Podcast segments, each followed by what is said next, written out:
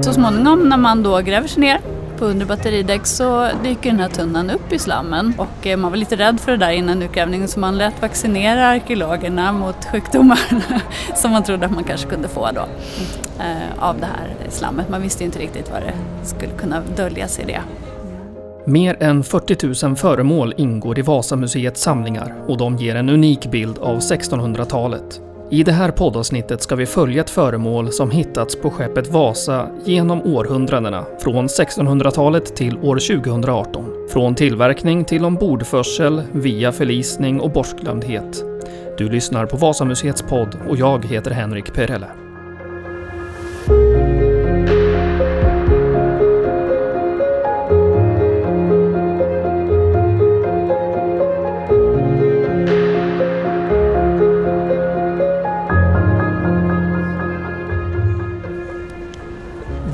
Oss nu mitt i Vasamuseet med eh, utsikt över hela skeppssidan. Och eh, bredvid mig här har jag Kristin Nytterborg. Och du kan få eh, berätta vem du är. Ja, Kristin Nytterborg heter jag alltså och jag arbetar här på Vasamuseet som intendent. Och det här föremålet som vi nu ska prata om och följa ifrån från ursprunget och genom århundradena fram tills idag. Hur ser det här ut kan vi börja med? Eh, man skulle kunna beskriva föremålet som att eh, det är tillverkat av en gren som har eh, själv vuxit i en böj kan man säga. Ehm, jag skulle säga en 25-30 centimeter kanske. Och just att det här är gjort av en gren är lite speciellt i sammanhanget va? Ja, de andra föremålen av samma typ som vi har, de är inte tillverkade på det här sättet. Faktiskt. Ja, men då kan du få berätta vad det, vad det här är för något. Ja, jag ska inte hålla dem på halster längre. Nej, eh, det vi ska prata om idag det är en borrsväng. Alltså handtaget som man använder till borren, en borrsväng som man har när man borrar hål. Eh, och apropå det vi sa nyss så är det ju att eh, de övriga sex borrsvängarna som finns från Vasa, de är tillverkade av ett trästycke där man har sågat ut den här formen i träräckningen. Medan den här är självvuxen, tillverkad av en självvuxen gren som har den här perfekta böjen. Mm. Vad vet vi då om hur det här har tillverkats? Ja, det vet vi ju inte riktigt för vi var ju inte med på den tiden. Men eh, jag brukar tänka mig att det kan ha gått till så här att en man gick ut i skogen. Han kanske funderade på resan han skulle göra, att han skulle resa med skeppet Vasa. Eh, och så såg han den här grenen som hade vuxit i den här perfekta böjen på ett träd. Och så tog han med sig den hem och tillverkade en borr, borrsväng som man behövde ha med sig på resan. Så kan man tänka sig att det kan ha gått till. Eller så hade han det redan tidigare. Mm. Kan man eh, Ser man på det här som en eh, lite enklare typ av borrsväng då jämfört med de här som är utsågade? Nej, jag tycker nästan att det, man skulle nästan ha blivit glad när man såg den här formen. För att då behövde man ju kanske inte såga ut den och man kan också tänka, jag pratar med mina kollegor om det här, man skulle kunna tänka sig att den faktiskt har varit lite starkare för att den har haft en naturlig seghet i och med att den har vuxit så och inte är utsågad i träriktningen som då kanske lite lättare skulle kunna spricka i träriktningen. Så kanske var det faktiskt en lyckträff att han hittade just den här formen kan man tänka. Och den här borrsvängen tas då ombord på, på skeppet. Vad, vad händer där? Vart tar den vägen på skeppet? Mm. Eh, den här personen, mannen kan vi säga, som hade med sig borren, han packade en tunna med sina personliga tillhörigheter. Eh, ah, vi kommer gå in på lite mer sen va, vad, vad som mer fanns i den här tunnan. Eh, men eh, tunnan tog han sen med sig ombord och placerade på undre batteridäck långt fram i fören på styrbord sida. Strax efter eh, en lavett, en kanonvagn som är märkt med nummer tre. Den andra kanonvagnen på styrbord sida från fören. Så att där placerade han sin tunna. Många av de personliga tillhörigheterna de var placerade långt fram i fören på över och under batteridäck. I alla fall på den här första delen av resan så hade man ställt dem där. Kanske för att de skulle vara lite ur vägen. Och så. Ehm, och eh, förutom tunnor med personliga tillhörigheter så kunde man också packa sina tillhörigheter i kistor eller i bylten bara. Man hittade ett flertal både kistor och tunnor med personliga tillhörigheter här på Vasa. Så när, när skeppet avgår så um, står det alltså ett gäng tunnor där då i, i fören på, på det här däcket? Ja, det gör det. Och när skeppet då sjunker, vet vi vad som händer med den här tunnan? Eh, håller den sig kvar på sin plats? Eh, jag skulle tro att den står eh, sen när den hittas ungefär på samma plats som man placerade den från början. Lite kan den kanske ha glidit, det vet vi ju inte, men eh, jag skulle tro att den är på samma plats. Sen ligger det här på botten i... 333 år. Precis. Mm. Hur, hur klarar den här borrsvängen det? Mm. Till att börja med så ligger den i sin tunna men eh, den här tunnan är ett laggkärl. Det innebär att eh, en mängd laggstavar är ihopsatta med tunnband till en tunna och de här tunnbanden de eh, går så småningom under tidens gång här av på något sätt, de brister vilket innebär att eh, laggstavarna faller ut som en solfjäder. Ehm, föremålen verkar dock ha legat kvar i eh, mitten där på tunnan och sen har det ju överlagrats med slam under årens lopp också.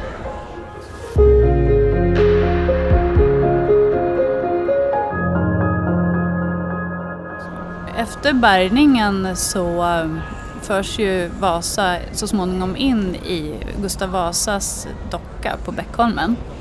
Och där har ju arkeologerna ett gediget jobb eh, med att gräva ut skeppet. Det var ett team av tio arkeologer, en fotograf och en tecknare under Per Lundström som sen blev chef för Sjöhistoriska museet som utförde det här jobbet med att gräva ut hela Vasaskeppet. Mm. Och eh, så småningom när man då gräver sig ner på under batteridäck så dyker den här tunnan upp i slammen igen för det är bokstavligen att gräva alltså? Det, det är fullt av slam som man ja, gräver i? Ja, det är det. Det är tjockt med slam.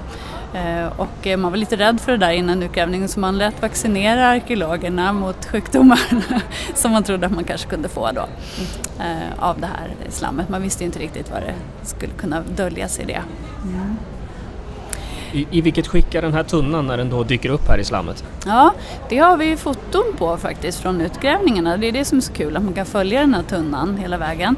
Eh, och då ser man på det här fotot att eh, tunnan har som sagt fallit ut eh, som en solfjäder, laggstavarna. Och mitt i där, ihop med lera och slam, så ligger den här borrsvängen. Den ser man tydligt i bild och eh, även en annan borrsväng som var i tunnan och en eh, putshyvel och delar av skosulor ser man på bilden. Om man tittar på innehållet i tunnan så ser man att det är väldigt mycket verktyg i den här tunnan. Så förutom de här verktygen som jag nyss nämnde så har det även funnits skaft till både hammare och sylar och eh, man har hittat eh, brynen och Eh, flintabitar och en segelsommarhandske som man skulle ha när man sydde på seglen. En del eh, garn och trådnystan och eh, även en del husgeråd, trätallrikar och skålar och en sked. Textilier som har varit kläder ursprungligen. Stövlar, skor och sen fyra svepaskar där de mindre föremålen i tunnan förvarades. Mm. Kan det här ha varit flera personers ägodelar eller en person? Ja, det vet vi ju inte riktigt. Vi kan ju inte säga med säkerhet att det har varit en persons tillhörigheter för vi har andra tunnor där man kan se att det förmodligen har varit flera personer som har delat på en tunna. Men det skulle kunna vara en person också. Eh, faktiskt. Mm. Vad vet vi då om eh, vem den här borrsvängen kan ha tillhört? Mm. Nu har vi ju sagt han här hela tiden och det handlar lite om just det här att eh, kontexten, det vill säga sammanhanget som borren är hittad med, tyder lite på att det var en man som ägde den. Jag kan inte säga det med säkerhet helt men troligen så var det så. Det har bland annat att göra med att det finns eh, då fyra svepaskar och en av dem har ett lock med flera bomärken på. Eh, där står bland annat också LOS, LOS, på den här asken. Eh, I vår kvinnoställning nu så har vi en annan ask där det står MOD och den tolkar man då som att det är dotter, det sista bokstaven står för. Så det skulle kunna vara Margareta Olofsdotter till exempel, eh, som hade ägt den asken och motsvarande sätt då som man tänker på våran losask då så skulle det kunna vara Leif Olofsson till exempel då. Att det är ett son i det ordet istället. Vilket skulle tyda på att det var en man. Eh, stövlar som man hittade i tunnan är också mer ett manligt attribut än kvinnligt på den här tiden. Eh, vi tolkar väl tunnans innehåll som att eh, det borde ha tillhört en snickare eller timmerman. På grund av den här mängden med verktyg då bland annat också. Ehm, man vet att eh, ett skepp av den här storleken borde ha haft en två till fyra timmerman, någonting sånt. Och eh, de hade med sig sina egna verktyg och var anställda av Skeppsgården. Så kanske var det här en av de snickarna, timmermannen, som, som skulle följa med Vasa för att reparera och laga och så. Så då har man tagit fram den här tunnan ur slammet och man börjar att arbeta med föremålen där i. Vad, vad händer med, med föremålen? Mm. Under utgrävningen då, när Vasaskeppet står i Gustav Vasa-dockan, så går det ganska raskt. Man eh, gräver ut, man har eh, fyndliggare, en slags permar med papper i där man skriver ner, eh, dokumenterar alla föremål man hittar. Varje föremål får ett fyndnummer och man skriver längd och bredd och andra mått och man ritar ibland en liten skiss hur föremålet såg ut också. Ehm, föremålen får en fyndbricka av metall också på sig där det här numret, samma nummer som i dokumentationspappret står på brickan. Så man ska kunna hålla ordning på dem. Man mäter in också var man hittar saker. Sen tas föremålen ut utanför skeppet på marken där bredvid på Bäckholmen. Där har man en mängd stora vattenkar där föremålen läggs ner i väntan på konserveringen så att de inte ska torka helt enkelt. Mm. Och det var stora vattenkar som stod utomhus? Ja, rad på rad med fyrkantiga stora lådor kan man säga med vatten. Mm. Vet du hur länge de stod där? Det vet jag inte riktigt. Förhoppningsvis inte allt för länge. Man hade också bergrum för förvaring på Bäckholmen och så. Mm. Men eh, sen så var det ju dags för konserveringen då. Mm. Just det. Hur gick den till? Ja, eh, Vasaskeppet började ju besprutas med polyetylenglykol, PEG, Eh, 1962. Och ungefär samtidigt då så börjar föremålen också konserveras på en konserveringsateljé på Bäckholmen. Eh, och då eh, dokumenterar man föremålen igen väldigt noga innan konserveringen. Det var en man som hette Sven Bengtsson bland annat som arbetade med det här. Och det är han som dokumenterar just den här borren som vi pratar om, borrsvängen. Och då har vi återigen skisser på den här borrsvängen som dyker upp och hans anteckningar kring hur den såg ut och hur eh, handtaget satt fast och, och, och, så. Och väldigt noga mått och han tog också foton och så på den då. Och sen 1964 så konserveras just den här borrsvängen. Då lägger man eh, föremålen återigen i kar fast den här gången är de fyllda med en PEG-lösning, en polyetylenglykollösning som till en början med ganska eh, låg, 5-procentig och sen går man sakta upp mot 40-45 procent lösning i vatten då, polyetylenglykol. Och där ligger föremålen sen i ett och ett halvt till två år för att sen torkas i ett halvår till ett år efter det. Hur länge håller en sån konservering? Kan man säga något om det? Ja, eh, de är inte omkonserverade sedan dess. inte, inte den här borrsvängen i alla fall. Eh, utan tanken var ju att den skulle hålla. Det som polyetylenglykol gör är att det går in i träets celler och eh, ersätter vattnet med det här lite kristallina vaxet som det blir när det är torrt. Så det håller ihop föremålet så att det inte ska spricka och gå sönder när det torkar och det hoppas vi ska hålla. Vid behov så går det ju att konservera om dem också.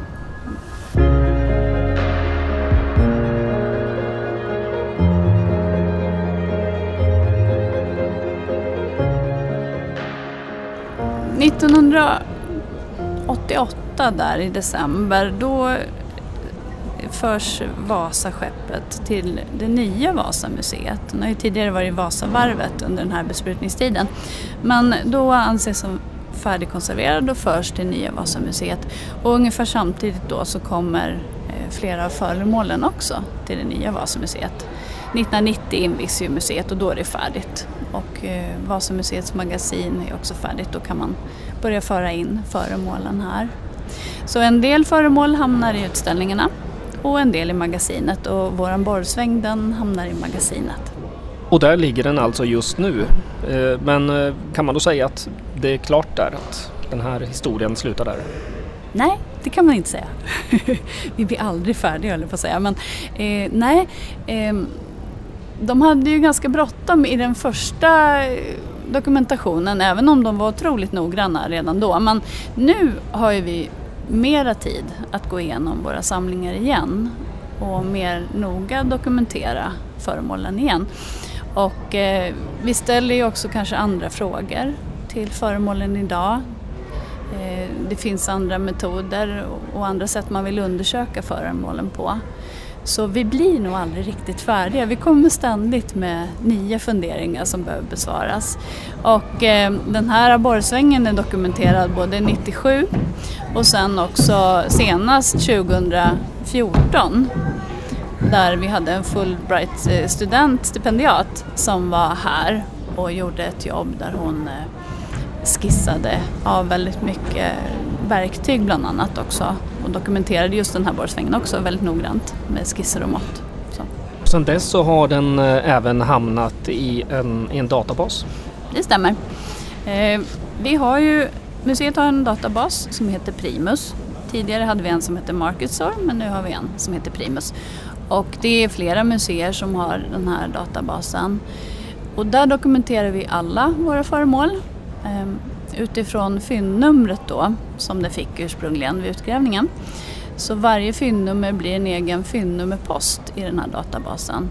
Och där skriver vi ner dels ursprungsinformationen från fyndliggarna då. Och vi skannar in ursprungsskisserna. Hur enkla de än är så skannar vi in dem där. Eh, och all ny dokumentation, nya mått och nya bilder som tas läggs in i den. Och även om vi kommer på någon information vad den hör ihop med som eh, den här borren är länkad till en grupp utifrån den kontexten den hittades, alltså tunnan och alla föremål som var i den. Så då kan man lätt gå in här och liksom se vad hörde ihop och förstå lite bättre sammanhanget. Eh, och den här databasen den kan alla gå in i eh, utifrån så att säga. Man kan antingen gå in på Vasas hemsida och klicka på forskning och samling på flikarna och så sök i samlingen efter det.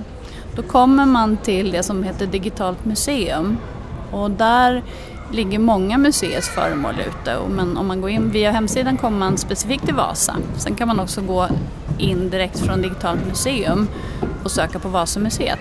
Och då skriver man antingen skriver man om man vet fyndnumret så skriver man in det.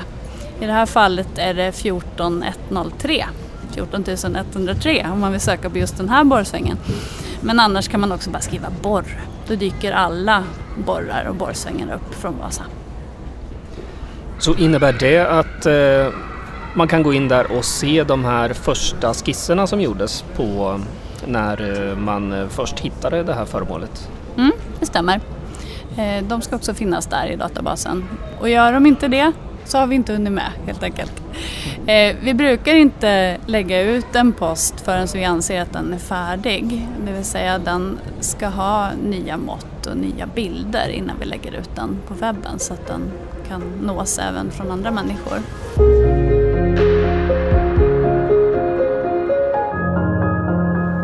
Med risk för att eh, låta som ett tv-program. Eh, mm. När man pratar om eh, eh, flera hundra år gamla föremål så kommer ju ofta frågan, ja men vad, vad är det här värt då? Eh, ja, det är ju en jätteknepig fråga. Eh, våra revisorer undrar ju också det. Vad är den värd? Vad är samlingen värd? Och det är otroligt svårt att sätta ett värde på ett sånt här föremål ska jag säga, i alla fall om man pratar ekonomiska termer. För om man tittar på hur den ser ut, den är lite trasig, den fungerar inte alls. Borren har rostat bort för länge sedan, vi har bara trähandtaget kvar. Den skulle inte inbringa många kronor på en loppis, det kan jag säga. om man inte visste att den var från Vasa då, för det är lite det det handlar om. Eh, det är ju kontexten, alltså att den är hittad ombord på Vasskeppet som gör att den får ett värde. Ehm, och det är ju just det här det handlar om att ett föremål kan, som jag ser det, beröra andra människor. Få en att fundera och ställa frågor. Det kan visa på ett sammanhang i museets utställningar och jag tycker att när man hanterar ett föremål eh, från Vasaskeppet så kommer man lite närmre de här människorna som faktiskt var ombord. När man eh, tar hand om ett föremål och håller i ett föremål som de höll i för 390 år sedan. Så, eh, så det tycker jag ju är borrens värde och då pratar vi ju inte pengar utan mera upplevelsen. Det här att man kommer nära en människa i en annan tid för så otroligt länge sedan det ser jag som borrens värde. Och den är orsak till att vi sitter här och pratar om den just nu? Just det. men men eh, om man nu pratar om i pengar då, finns det något att jämföra med? Ja, eh, jag, jag, googlade lite för jag undrade också sådär och då såg jag att eh, 12 borrsvängar från 1700-1800-tal har sålts eh, på en nätaktion förra året för 350 kronor. Och de var i betydligt bättre skick än vår borrsväng. Så där är ju ett värde. Ehm, nu var inte de från Vasaskeppet då, men i alla fall. Sen har vi ju lyxborrar också från 1700-1800-tal som tillverkades i England eh, där man använt väldigt eh, fina sällsynta träslag i de här. De kan ju gå för, alltså jag har sett både från 5 000 och uppåt 33 000 och ännu dyrare. Det är ett helt annat värde. Så ett pengavärde i den här borren det skulle helt sitta just i kontexten med att den har funnits på skeppet Vasa. Ja, så ser jag på saken. Mm. Och då blir det i stort sett omöjligt också att sätta ett, ett pengavärde. Ja, jag skulle tycka det. Du får fråga revisorerna vad de tycker. ja. den, här, den här borren gick ju från att vara ett enkelt föremål som man har gjort av en gren till ett, eh, till ett värdefullt museiföremål. Mm. Vad, vad tänker du om det som, som arkeolog? Mm. Det där är ju alltid intressant hur ett bruksföremål i en tid blir någonting väldigt värderat, även om vi nu kanske inte pratar pengar direkt, men ändå värderat föremål. Jag ser det lite som en klassresa som föremålet har gjort. Sådär. Um, och det där tycker jag alltid är väldigt intressant, vilka föremål som vi har i ett museum idag. Hur vi ser på den saken, vad som bevaras och vad vi tycker är värt att ha i ett museum. Nu är ju det här från skeppet Vasa, då är ju alla föremålen från Vasa i, i vårt museum. Men eh, även annars funderar man ju sådär, vad, vad lämnar vi efter oss sen? Nu använder vi ju moderna borrar om vi ska vara inne på borrsvängar så använder vi ju moderna borrar, borrsvängar ombord på skeppet idag för att byta Vasas bultar. Eh, är det någonting vi borde ha i vår samling så småningom? Skulle det vara en del av Vasas historia också, fast nutidshistoria? Hur ska vi tänka där? Hur ser vi på det? Sådana funderingar kan man ju ha. Vad lämnar vi efter oss? Vad kommer det vara värt i framtiden? Så man kanske kan tänka sig en, eh, en borrmaskin från idag som ingår i framtida samlingar som just borren som eh, bytte bultarna på, på skeppet Vasa under eh, den här tiden. Mm, det är ju fullt möjligt, absolut. Vi har ju en tendens att inte tycka att det vi håller på med just nu idag är så särskilt märkvärdiga grejer. Om man tittar just i borrar och verktyg som vi använder och det tänkte de förmodligen även på 1600-talet. det var nog inte så att han som tog med sig borren ombord på skeppet Vasa trodde att det skulle hamna i ett museimagasin eller i ett föremålsmonter i 390 år senare. Men så blev det ju. Med det så säger jag tack till dig Kristin Ytterborg, intendent på Vasamuseet. tack så mycket.